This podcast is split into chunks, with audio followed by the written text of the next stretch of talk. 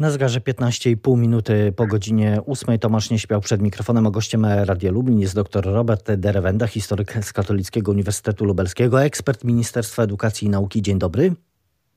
Dzień dobry Państwu. Został Pan e, także koordynatorem podzespołów e, do spraw podręczników do historii oraz wiedzy o społeczeństwie. E, jest to grupa historyków, która pracuje nad podniesieniem standardów zatwierdzania i dopuszczania do użytku szkolnego podręczników. Tyle tej teorii. No ale zacznijmy od tego, że niektórzy widzą w Was ewangelizatorów, którzy będą indoktrynować nasze dzieci. I co Pan na to? No to oczywiście każdy ma prawo do swojej oceny. Przecież jeszcze nie wydaliśmy tutaj e, żadnej ekspertyzy, jeszcze ten raport się nie ukazał. No właśnie, skąd te nieprzychylne komentarze, panie doktorze? No, co, cokolwiek byśmy nie robili, za cokolwiek byśmy się nie zabierali, to pewnie znajdą się osoby, które będą nieprzychylne, no bo to najłatwiej oczywiście wskazywać w ten sposób, że jeśli ktoś coś chce zmienić, coś chce ulepszyć, no to pewnie, nie wiem, zaraz ma jakąś własną koncepcję, która zagraża tym wszystkim, które były dotychczas. E, poznajmy może kilka nazwisk. E, doktor Agnieszka Gontarczyk, e, profesor Mirosław Szumiło czy doktor Andrzej Szabaciuk. To są nazwiska związane z Lubelszczyzną. Taki skład ekspertów pozwala przypuszczać, że treści podręczników po tej reformie nie będą ani obiektywne, ani wyważone. Pisała kilka dni temu Rzeczpospolita. No strach się bać, jeszcze kontynuując ten wątek.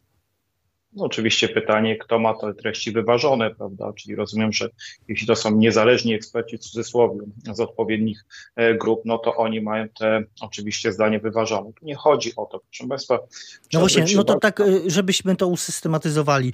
E, co jest nie tak z książkami do historii czy WOS-u? No bo za ten obszar też Pan będzie odpowiadał, czy odpowiada.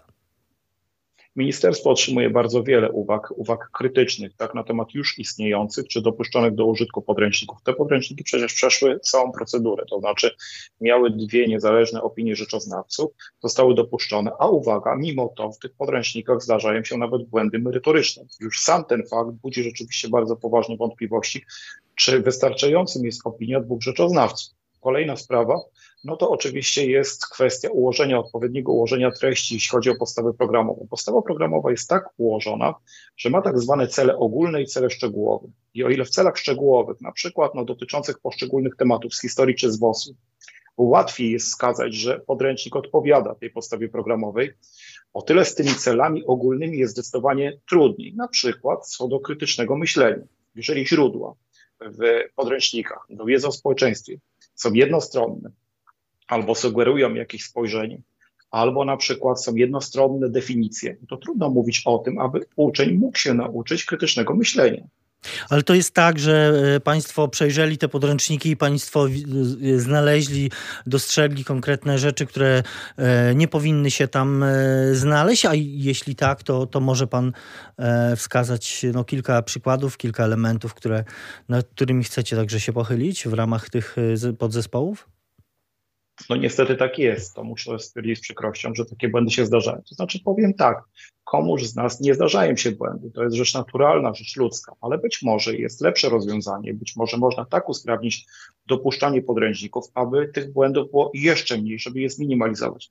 Jeżeli w podręczniku mamy o, napisane o tym, że e, w podręczniku do średniowiecza, także po wojnie amerykańscy i brytyjscy e, nie, Brytyjczycy i Amerykanie poszukiwali ukrytych przez nazistów skarbów, tak, e, dzie, e, dzieł kultury, a my jako historycy e, staramy się oczywiście, czy jako państwo staramy się również w naszej polityce historycznej zwracać uwagę, że to jednak państwo niemieckie odpowiada za kradzieże, jakich dokonywano na przykład na ziemiach polskich, a w polskich podręcznikach uczeń czyta o tym, że były to oczywiście kradzieże nazistowskie, no to nie możemy się z tym zgodzić.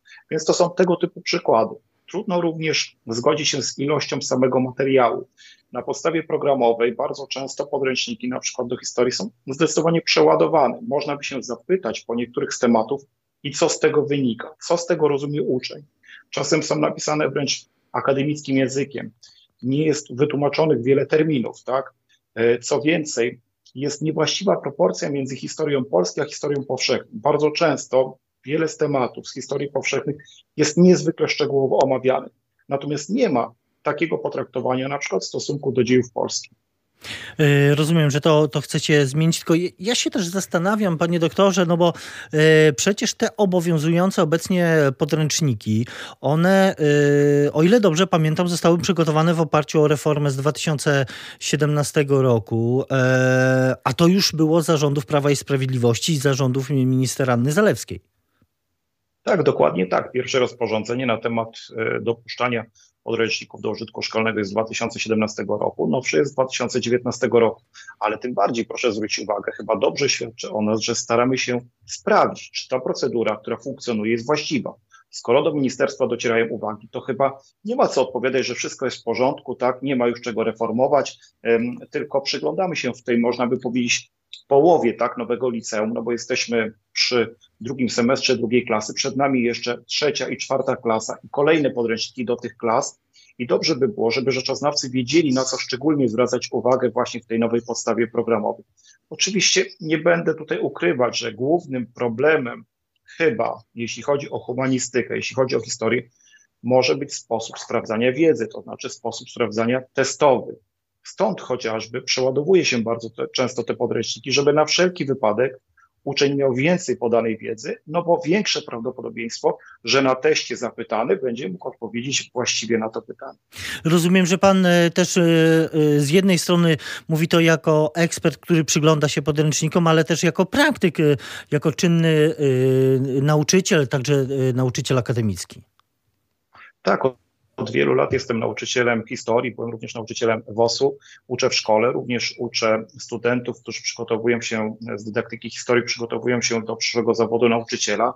I niestety z przykrością patrzę na wiele rzeczy, no choćby i z zeszłego roku. To mój uczeń, który otrzymał pytanie na maturze, no brzmiało ono, tutaj zacytuję na teście maturalnym, wyjaśnij, w jakich okolicznościach doszło do zniszczenia miasta opisanego w tekście. W odpowiedzi odwołaj się do faktografii i uczeń odpowiedział, o jakie miasto chodzi, ale dostał zero punktów. Dlaczego? Dlatego, że w kluczu dopiero można było przeczytać, że do zniszczenia Kartaginy doszło na skutek trzeciej wojny punickiej. Tu jest w nawiasie nawet podane, że drugi wiek albo 146 rok, ale w pytaniu nikt nie, nikt nie wskazał, że uczeń powinien podać datę a aby mógł uzyskać punkt, musiał mieć to, podaną tą datę, więc jest to bardzo często niesprawiedliwa ocena i w humanistyce bardzo trudno, zwłaszcza jeśli chodzi o historię, sprawdzić rzetelnie wiedzę ucznia. E, teraz e, te zmiany, nad którymi Państwo pracujecie, mają y, zmienić ten stan rzeczy, no ale ja zapytam, jak długo ta analiza, Wasza praca tych podzespołów potrwa? Raport ma być gotowy na 1 marca. Tak jest to podpisane w umowach i prawdopodobnie nic nie wskazuje na to, aby czas miał być przedłużony. Pracujemy bardzo sprawnie. Grupa jest rzeczywiście e, no, dość powiedzmy duża. Jest 10 podręczników do wiedzy o społeczeństwie, 15 do historii dopuszczonych do, e, do tej pory, więc nie są to też zawrotne ilości. Tak? Staramy się, aby rzeczywiście można było tutaj, e, tutaj te podręczniki właściwie ocenić zakładamy, że te podręczniki już mają opinię rzeczoznawcy, że one już zostały dopuszczone. W związku z tym my tak naprawdę opiniujemy je pod kątem usprawnienia właśnie tej procedury, która dopuszcza podręczniki tak, aby w przyszłości one były jeszcze lepszej jakości. No właśnie, czy, czy to będzie tak, że efektem y, y, waszej pracy, y, no poza tym raportem, będzie konieczność wydania, napisania nowych podręczników, czy uaktualnienie na podstawie waszych wytycznych tych, które istnieją obecnie, na podstawie których uczniowie się uczą? Do tej pory te opinie, które do mnie spływały, nie wskazują na to, aby któryś z podręczników wymagał wycofania. Tak? Jeśli tam są błędy, to są tak nieliczne, że te podręczniki mogą nam służyć. Trzeba w ogóle zwrócić uwagę, że jeśli chodzi o podręczniki do historii, to są w zdecydowanej większości naprawdę dobrze napisane i mam też opinie bardzo pozytywne. Bo tutaj ja, ja jeszcze tylko do, do, dopytam, bo wiele osób, e, które, e, którym nie podoba się to, że, że w ogóle taki zespół powstał, że taki raport ma, e, ma powstać, no, uważają, że będziecie Państwo coś się wygumkowywać z historii Polski czy z lekcji WOS-u, że jakieś podręczniki pójdą na przemiał i tak dalej, i tak dalej. No powiem tak, to chyba świadczy tylko o tych osobach, tak, że oceniają nas niestety chyba ze swojej perspektywy. No, ja nie mam takiego zamiaru, wręcz przeciwnie, chciałbym, aby ta historia właśnie była w sposób obiektywny pokazywana, aby nie było tak, że na przykład, nie wiem, mm, pokazuje się e, tylko i wyłącznie jedną stronę, natomiast z drugiej strony się tutaj nie wskazuje. Co więcej, no patrzymy jednak na tę historię zawsze z jakiejś perspektywy. Nieco inna będzie perspektywa Polaków na historię II wojny światowej, a inna będzie perspektywa na przykład Niemców czy Francuzów. My opisujemy tą historię z perspektywy właśnie dziejów narodu państwa polskiego. I mówi to dr Robert Rewenda, historyk z Katolickiego Uniwersytetu Lubelskiego, koordynator podzespołów do spraw podręczników do historii oraz wiedzy o społeczeństwie Ministerstwa Edukacji i Nauki, który był gościem Radia Lublin. Panie doktorze, bardzo dziękuję za rozmowę. Dziękuję Państwu.